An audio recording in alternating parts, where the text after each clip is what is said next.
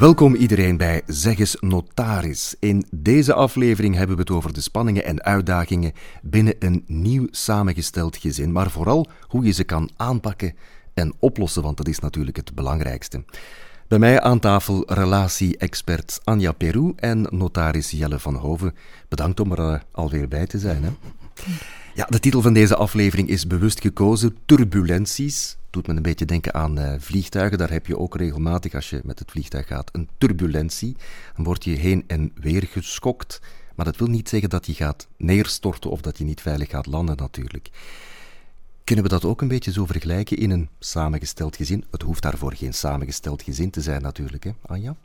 Ja, helemaal. Mm Gewoon een turbulentie betekent niet dat, dat het vliegtuig gaat neerstorten. Of dat het finaal is, of dat het gedoemd is om te mislukken. Voilà, maar dat is wel de angst die er dan altijd wel bij speelt. Want er is al eens een scheiding aan vooraf gegaan en daar zijn we toch zo bang voor. Mm en gewoon al het feit dat je weet vooraf dat er turbulenties gaan zijn, kan ook al gewoon rust geven. Gewoon weten van, ah ja, er is dat is het leven gewoon ook. Niet in een samengesteld gezin, maar het leven is met turbulenties. En dan uh, is, is de grootste, de, de, de, allerbeste raad is op jezelf terug, terugplooien. Uzelf, dat is eigenlijk de standaard in alle relaties, met alle turbulenties. Leer jezelf heel goed kennen. Leer je eigen patronen kennen van wat uw standaard reacties en uw standaard valkuil is, zodat je altijd opnieuw uzelf, vanuit jezelf beter te kennen, terug kunt rechtveren en je veerkracht gewoon uh, sterker wordt. Wil dat dan zeggen dat je je op jezelf moet terugplooien? Je eigenlijk een beetje afzonderen? Nee. Ja, ja uh, ik vergelijk het altijd met, uh, er is storm op zee en je zit op een rubberen bootje. Wat doen mensen hè, als, er, als er conflict is in, in de relatie of hè, met, de, met de stiefkinderen, er is een bommetje dat ontploft. In dat rubberen bootje, mensen die beginnen met die storm op zee, roeien, hard werken om zich staande te houden of om in dat bootje te blijven, ja, je gaat kapseizen. Ja, dat, ik zou rustig blijven zitten en mij zo klein mogelijk maken en mij vasthouden aan dat bootje. voilà, dat is het. En dat is dus even naar binnen keren, niet in de reactie gaan, niet in de tegenreactie. Even naar binnen keren, even gaan reflecteren van, wacht, wat heeft er mij hier geraakt? Wat is er hier dat, dat voor mij zo belangrijk hierin is? Uh, wat, wat is er hier met mij aan het gebeuren? En wat, wat wil ik eigenlijk, wat is mijn behoefte hierin? En ga dan pas terug. Hè. Dus die storm die gaat wel terug liggen. En als de storm gaan liggen is, dan heb je terug overzicht. Dan zie je terug, uh, als, bij die storm op zee, je ziet terug alles klaar. Wel, ga op jezelf terugplooien. Ga even reflecteren, wat heb ik hier nodig? Wat is voor mij hier pijnlijk in geweest? En ga dan in de communicatie alweer Ga dan naar buiten toe op een andere manier communiceren en je gaat veel meer helderheid krijgen en veel meer dingen opgelost hebben. Ja. Maar dat is bij een vliegtuig hetzelfde. Je moet eerst je masker op je eigen mond zetten en dan pas kun je anderen gaan helpen. Ja. Dat is de standaardzin die ik altijd zeg, dankjewel om, om, om, uh, om hem ook te zeggen. Eigen zuurstofmasker eerst. Het belang, ik vergelijk dat met, mensen zijn altijd bezig met het belang van de kinderen komt op de eerste plaats. En dan zeg ik iets waar dat ze dikwijls van geschokt zijn. Dan zeg ik, het belang van de kinderen komt niet op de eerste plaats. Help, wat zegt jij nu? Zit jij helemaal op je kop gevallen? Nee, uw kind heeft er alle belang bij dat jij je eigen zuurstofmasker op hebt, zodat jij de goede ouder kunt zijn voor je kinderen. Want als jij er dus niet meer bent, dan zijn de kinderen ook niet uh, geholpen. Hè? Voilà, ja. voilà. Wat is eigenlijk het grootste probleem binnen die conflict? Gaat het dan over vertrouwen? Gaat het over uh, geld misschien? Of um, over de rol van de plusouder, stiefouders, stiefkinderen? Voor mij, voor, als, ik, als ik er naar kijk, is dat wat mij betreft onduidelijkheid. Onduidelijkheid? Onduidelijkheid. Onrust, onduidelijkheid. Kan over financiële dingen gaan, kan over zaken zijn waarvan ik zeg, ga naar een notaris om de dingen te regelen, om duidelijkheid te scheppen, dat dat rust geeft voor iedereen. Kan ook gaan over de um, nieuwe partner die, niet, die zich een bijzettafeltje voelt in het geheel. Die zich niet opgenomen voelt in, in het nieuwe samengestelde gezin. Die is er nadien bijgekomen en die is op zoek naar zijn plekje in dat nieuwe gezin. Die voelt zich van, ja, als jullie mij nodig hebben, dan mag ik er zijn en dan mag ah, ik mee zorgen. Maar als het gaat over uh, plezier en, enzovoort, of als het gaat over het, het, gevoel samen, dan voel ik, dan moet ik aan de kant. Ja. Dan mag ik, uh, of als het gaat over uh, mijn, mijn zeg ergens over doen, over huisregels bijvoorbeeld, dan mag ik, moet ik mijn mond houden en dan moet ik aan de kant. En dan begint de, de nieuwe partner, die gaat dan eigenlijk op een verkeerde manier op zoek naar die plek krijgen. Ofwel door op tafel te kloppen, ofwel door zichzelf weg te cijferen, waarbij dat een etterende wonde is die een bepaald moment openspringt. Ja. Uh, dus altijd op een verkeerde manier is, is iedereen op zoek naar dat plekje. Bij de kinderen leeft er ook soms wel wat, dat die ook dingen aan het opkroppen zijn, totdat dat een, een bommetje is dat ontploft. En dat, eigenlijk gaat het altijd over dingen die onder de radar gebleven zijn gedurende lange tijd en dan ineens uh, ja, een, een bom die ontploft. Conflicten ook in de zin van, als er moet betaald worden, dan kennen jullie mij, maar uh, op andere vlakken dan wel niet meer. Misschien kom jij daar meer mee in aanraking uh, in het notariskantoor. Ja, dat gebeurt hè. In, in de situatie vruchtwerk bloot een eigendom, waar we het al over gehad hebben, is dat inderdaad iets dat besproken moet worden. Hè. Mm -hmm. um, dan zal inderdaad er een bepaalde partij soms moeten betalen voor iets waar ze eigenlijk weinig tot geen nut van hebben, of het nut nu op dit moment nog niet inzien. Ja. Um, maar daar, het, het, is al vaak gezegd, belangrijk is daar op voorhand over praten en benoem alle mogelijke wonden die er zouden kunnen zijn. Hè. Probeer al die etters al eens te bespreken um, en wat je ermee gaat doen. Welke wonden gaat je hoe behandelen? Um, en, en zet die behandelingen al klaar. Als er een overlijden is van de ene, gaan we het zus aanpakken. Als er een overlijden is van, het andere, van de andere partner, gaan we het zo aanpakken. Wat wil iedereen? Bespreek dat. Uh, het is ook niet omdat er een huwelijk is, dat dat altijd met dezelfde insteek is. Hè. Dat kan mm -hmm. gaan over erkenning, dat kan, kan gaan over financiële zekerheid. Het opgeven van je eigen carrière moet op een bepaald misschien gecompenseerd worden door een, een, een erfrecht, een uitgesteld erfrecht. Ja. Daar zijn allerlei issues die misschien zelfs tussen de partners niet uitgesproken zijn. Mhm. Hmm. En die moeten benoemd worden. Ja, we hebben het al een paar keer gezegd. Hè. Praten helpt, praten is nodig. Maar dat is natuurlijk de theorie. Geld is taboe, hè? Jij zegt daar iets. Maar dat is de theorie. We weten dat eigenlijk allemaal, maar vaak doen we dat dan toch niet, terwijl we eigenlijk maar al te goed beseffen dat we dat beter wel zouden doen. Er is toch altijd ergens iets, een trigger die, die net niet overgehaald wordt om dat te doen. En dan wachten we tot het eigenlijk te laat is. Eigenlijk is daar een, een manier voor die, die vaak toegepast wordt, is alle situaties ook effectief uitvergroten uh, en het soms tot in het belachelijke trekken, zodoende dat mensen zich durven smijten. Als Ja. we zeggen, kijk, ja, de notaris heeft nu dat voorbeeld gegeven, dat is nu wel heel extreem, Ja. en daar zitten alle problemen samen, maar bij ons zou één van die aangehaalde dingen misschien ook wel kunnen. Hè? Want in het voorbeeld is er dan uh, in een echtscheidingsprocedure starten, uh, gestart, waarbij er ook nog een overspelig kind is verwekt in Congo met een, een, minder valide probleem. Um, en, en, er is een nieuwe partner die cirkelt. Als je dat allemaal op in een hoop gooit, zegt iedereen, ja, zo erg is het bij ons ook niet. Het valt nog mee. Het valt nog mee, maar wij hebben wel dat probleem. Hoe zouden we dat aanpakken? En dan kan daarover gesproken worden. Dan is dat de eerste keer gezegd. Dan is het hoge woord eruit. Ja. We moeten misschien, als mensen komen praten over een huwelijkscontract, beginnen met het ergste. Ja. U gaat opnieuw uiteen. Wat dan? Ja. Wat dan? Ja. Het huwelijk, als u gaat trouwen, er zijn maar twee manieren uh, hoe het kan eindigen. Hè. Of u gaat dood, of u gaat uiteen. Ja. En u moet ze beide regelen. Ja.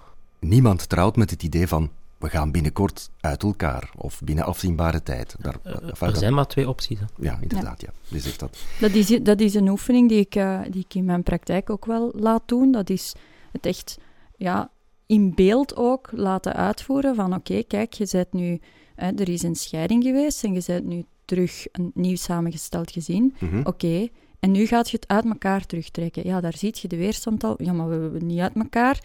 Ja, gaat toch gebeuren. Dat gaan we nu eens doen. En dan moet er opnieuw. Hè, je gaat opnieuw iemand nieuw tegenkomen. En opnieuw komt je iemand tegen en daar zitten kinderen bij. En dan moeten ze dat ja, gaan, gaan een puzzelke gaan beginnen uh, neerzetten. Ja, dat geeft dan toch wel eye-openers van... Oh, ja. uh, ik moet toch even gaan stilstaan en, en bij de zaken uh, gaan, gaan nadenken. En hoe ga ik dat dan... Ja, hoe ga ik dat dan doen als dat dan ooit gebeurt? Ja. ja.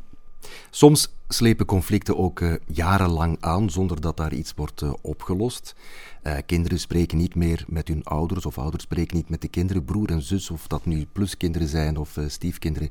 laat, laten we even in het midden, maar die praten niet meer met elkaar. En dan is er een overlijden, en dat is natuurlijk een kantelpunt.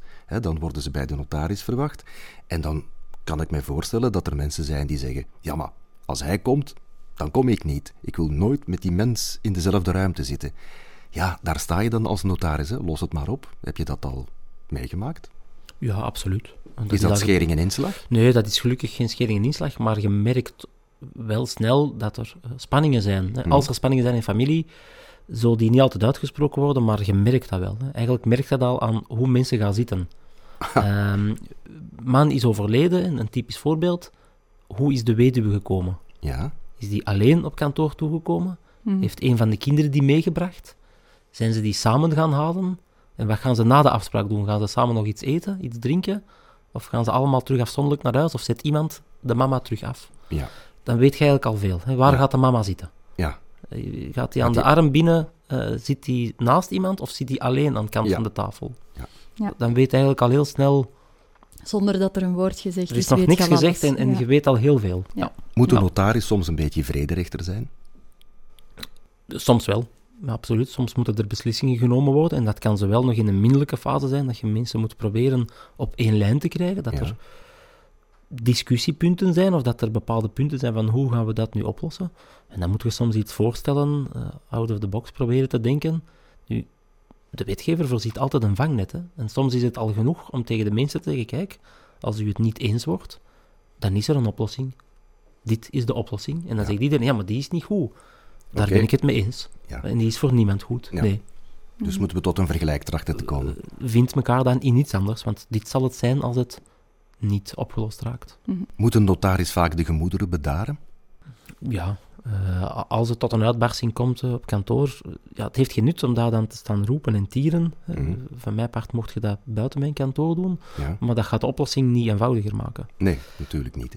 Dan ja, soms wordt er ook gezegd van kijk, bespreek dit, eh, roep een, een relatie-expert in om bepaalde dingen al gezegd te hebben. Het juridische gaat op dat moment, als het ontploft is, toch niet meer veranderen. Hè. Er gaat niet ineens nog iets nieuws gemaakt worden of gevonden worden, of een nieuw huwelijkscontract, of god beter een testament. de, mhm. de, de, feiten zijn wat ze zijn, maar benoem bepaalde zaken, benoem bepaalde zaken uit het verleden.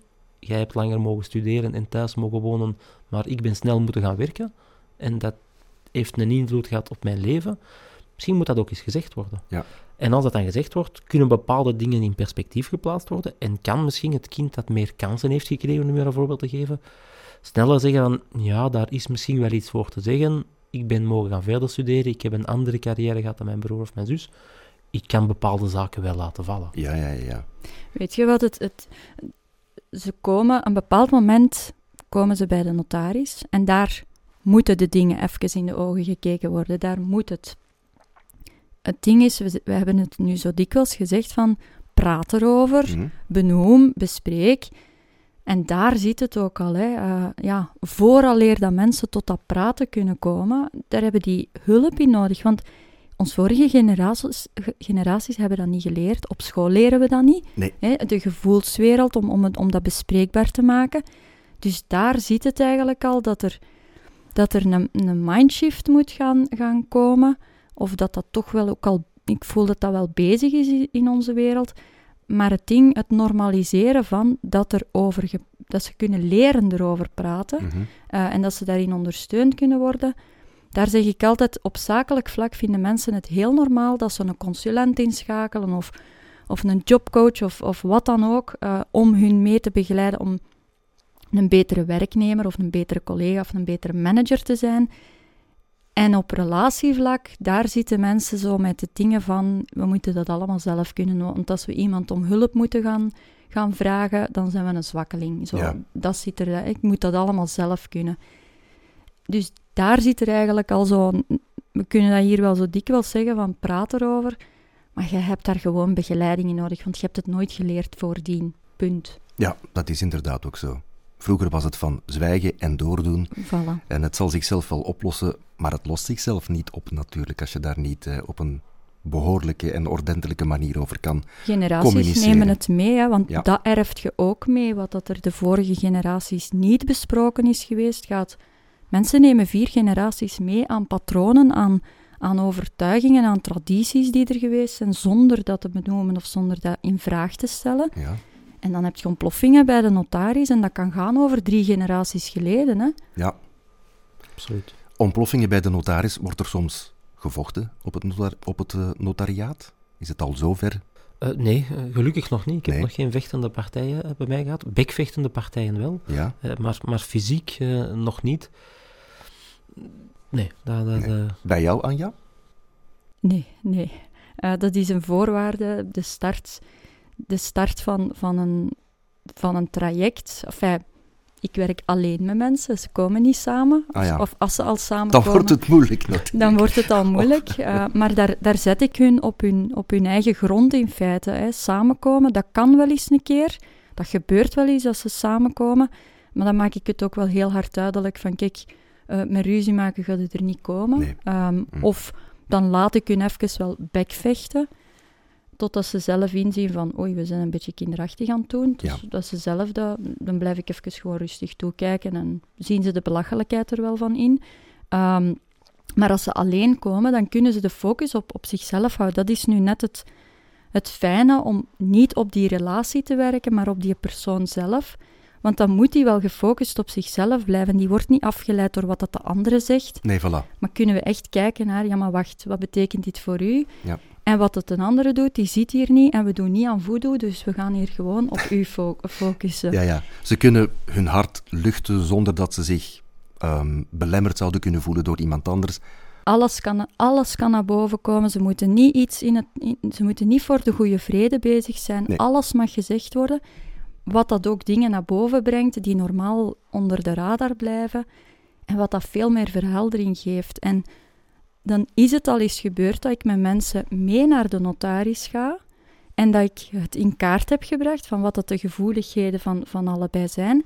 En dat dat daar bij de notaris, dat het daar op het zakelijke ja, op, op, het, op dus wat er geregeld moet worden, dat dat daarop gehouden kan worden, wat dat voor alle partijen verlichtend werkt. En ja, dat, dat, dat, dat eigenlijk iedereen zich erkend voelt en dat we in rust kunnen werken naar dat die mensen vooruitkomen. Ja. Gebeurt dat vaak, Jelle, of, of vaker dan vroeger, dat er een extern persoon meekomt naar het notariaat? Te weinig, zeg je dus. Te weinig, dat zou een, Ja. een nuttige aanvulling kunnen zijn, dat er inderdaad op voorhand al bepaalde dingen besproken zijn. Want ik denk dat een notariaat niet per se de plaats eh, is om, Om al die emotionele ja. zaken daar nog aan bod te laten komen. Ja. Dat is zeer belangrijk. Ja. Maar ik ben niet opgeleid om te helpen met Nee, eh, onverwerkte trauma's uit het verleden. Nee. Ik probeer trauma's in de toekomst te vermijden, maar als er zijn, kan ik ze niet oplossen. nee. Het gaat in deze podcastreeks natuurlijk om ehm, advies. Dus welk advies zouden jullie nog kunnen geven aan mensen die in een nieuw samengesteld gezin terechtkomen? Een, een eerste advies is, spreek er thuis over wat ieders verlangen en wensen zijn. Hè. Dan vooral het, het juridische eh, focus ik op. Be- Bespreek dat. En laat u nadien ook begeleiden eh, als het nog allemaal reus- roze geur en maneschijn is. Ja, Eh, en probeer dan alle mogelijke valkuilen al eens te bekijken. Ehm, ze zijn makkelijk op te sommen, de, de Mhm. mogelijke valkuilen. En probeer op voorhand daar al een, een weg in uit te stippelen. In de hoop dat je hem nooit nodig hebt. ja inderdaad. Anja? Eh, voor mij zou ik eh, als raad meegeven, ten eerste, je zult nooit nog een klassiek gezinnetje vormen, dus haal, haal die illusie al weg. Accepteer dat gewoon. Dus ga ook weg denken van het klassieke gezinsbeeld. En dan geef ik mee, ehm, een gezin is als een bedrijf en een bedrijf is als een gezin. Dat werkt eigenlijk hetzelfde. Dus ga dan nu even zakelijk bekijken. Mhm. Haal die romantiek ervan af. Een bedrijf waar dat je een fusie hebt van twee bedrijven, dat is, dat is zoals een samengesteld gezin. Wat doet een bedrijf? Die gaan eerst heel goed vergaderen, die gaan kijken naar wie heeft welke mandaten, wie moet welke, welke plek innemen. Ze gaan daar heel goed op stilstaan om dan die fusie goed te begeleiden. Voor een samengesteld gezin is eigenlijk hetzelfde advies. Ga dat even heel goed over nadenken. Wat doen samengestelde gezinnen? Roze wolk. we zijn verliefd, dat gaat werken, we kletsen die boel bijeen en nadien is het, oei, we hebben bepaalde dingen niet, niet, niet, niet bedacht. Dus ga even gewoon dat zakelijk bekijken. Als je het zakelijk maakt en die emotie eraf haalt, dan gaat er ook eenvoud komen. En dan gaat je ineens dingen veel helderder kunnen, veel eenvoudiger kunnen gaan aanpakken, Mhm. bespreken, benoemen. Gezinsvergadering heb ik eh, al eens eh, ergens vernoemd. Eh, ga er een gezinsvergadering van maken, waarbij dat de kinderen ook leren het woord nemen en leren hun mening te zeggen, want dat is voor hun latere leven superbelangrijk. Ja. En dan ga je veel verder komen op een veel snellere manier dan wanneer dat je aan het ploeteren bent en, Mhm. en iets aan het nastreven bent wat dat je toch niet meer kunt bereiken. Klopt. Even de rol van de pluskinderen dan. Het is niet omdat er plots een nieuwe ouder eh, aan te pas komt, dat die pluskinderen moeten denken van ja, ik ben hier gejost, om het zo maar even te zeggen. Ik, ik ga hier benadeeld worden. Dat is absoluut niet het geval. Dat kan gebeuren, maar dat is Dat, niet... dat, dat kan gebeuren, maar dat is... Nee. Nee. Het is niet dat ze dat per se moeten denken. Hè? Nee, absoluut niet. Nee. Nee. Nee, misschien moeten ze het ook gewoon eens vragen, wat is de bedoeling? Op die gezinsvergadering, het is heel leuk dat de raden van bestuur overeenkomen om daar een fusie van te maken, maar Ja. de aandeelhouders hebben ook eh, vraagrecht. Hè. Zij mogen vragen stellen en dan weten ze tenminste waaraan en waaraf. En dan is het misschien ook ineens duidelijk wie de nieuwe CEO wordt Ja, en wie de. CFO wordt. Hè. Ja, Ja. Dat is misschien absoluut. wel nuttig om te weten. ja, Ja. absoluut. Ja. Absoluut. En die pluskinderen kunnen inderdaad ook, daar hoeven ze zeker niet van uit te gaan. Nu, dat is dikwijls de angst die gestuurd wordt door de volwassenen eromheen. Ja. Die daar direct lading op gaan leggen, waardoor dat pluskinderen dat idee zouden kunnen hebben. Uh, maar het woord plus, zeg ik altijd, Mhm. gaat over meerwaarde. Die nieuwe plusouder, dat zou wel eens een keer een meerwaarde in je leven kunnen geven aan uh, hè, als je daar op, op een goede manier, wederzijds, een manier vindt om met elkaar om te gaan. Die plusouder, dat is een andere identiteit dan je mama en je papa, waar Ja. dat je gesprekken mee kunt voeren misschien, die je met je mama en papa niet kunt voeren. Ja. Ehm, dus wat dat ook wel meerwaarde en, en nog een, een, andere, een andere persoonlijkheid in je leven kan zijn. En wat het dus verrijkend uh, maakt. Voilà, daarom ook plus. hè. Het is een plusouder, het is iemand die erbij komt. Het is niet iemand die een andere ouder vervangt, natuurlijk. Hè. Nee. En bij een gezinsvergadering, door het te bespreken, zo heb ik het voorbeeld ooit van um, een plusmama die in de gezinsvergadering uitsprak van ik heb het gevoel dat jullie mij niet moeten naar Ja. de pluskinderen toe. Mhm. En zij keken verbaasd terug van hoe wij dachten, wij hadden het gevoel dat jij ons niet moest. Ja, Ja, ah, had je dat maar wat eerder gezegd. hadden we dit eerder geweten. En, en die plusmama die was heel bang om de gezinsvergadering het initiatief ertoe te nemen. Want ze zei van ja, dus ze gaan mij onnozel vinden en ze gaan zeggen van allee, waar komt die nu mee af? Maar op een bepaald moment is het ja, door een ontploffing er toch van gekomen, toch aan tafel gaan zitten. Ja, zoveel, zoveel verheldering en zoveel... Ja, het, dus vraag het gewoon. Van, ik heb het gevoel, wat, wat is onze rol hier? Of, of wat Mhm. is onze band hier? En, en voor mij voelt het zo. Ah, wel ja, bespreek het en dan gaat je verheldering krijgen. En blijf er niet mee zitten. Absoluut, ja. Oké, dat is duidelijk. En hiermee is onze reeks over stiefkinderen en pluskinderen eigenlijk min of meer afgerond. Voorlopig hè? dan toch, voorlopig, voorlopig. We hebben beide termen door elkaar uh, gebruikt. Zijn er problemen? We hebben het net nog verteld. Uh, wacht niet om ze aan te pakken. Praat erover met elkaar. Uh, laat je begeleiden door relatie-experten, door een notaris. Laat je begeleiden, praat erover en... Um, als het nodig is, dan moet je gewoon een notaris aanspreken. Als ik niet vergis, het eerste advies bij een notaris is altijd gratis. In de meeste gevallen wel. Als u, niet, gevallen uh, wel. als u niet vraagt om trauma's uit het verleden op te lossen, dan gaat, dan dat gaat het allemaal lukken. Het is niet als je aan zijn deurbel uh, hangt, nee. dat je al direct aan betalen. Absoluut niet, nee. Dat is ook zo'n idee dat mensen hebben, hè. Nee, dat is niet. Ja. Oké, okay, Jelle en Anja, hartelijk dank voor de boeiende insteken. Dank voor het kijken en luisteren. En graag tot de volgende aflevering.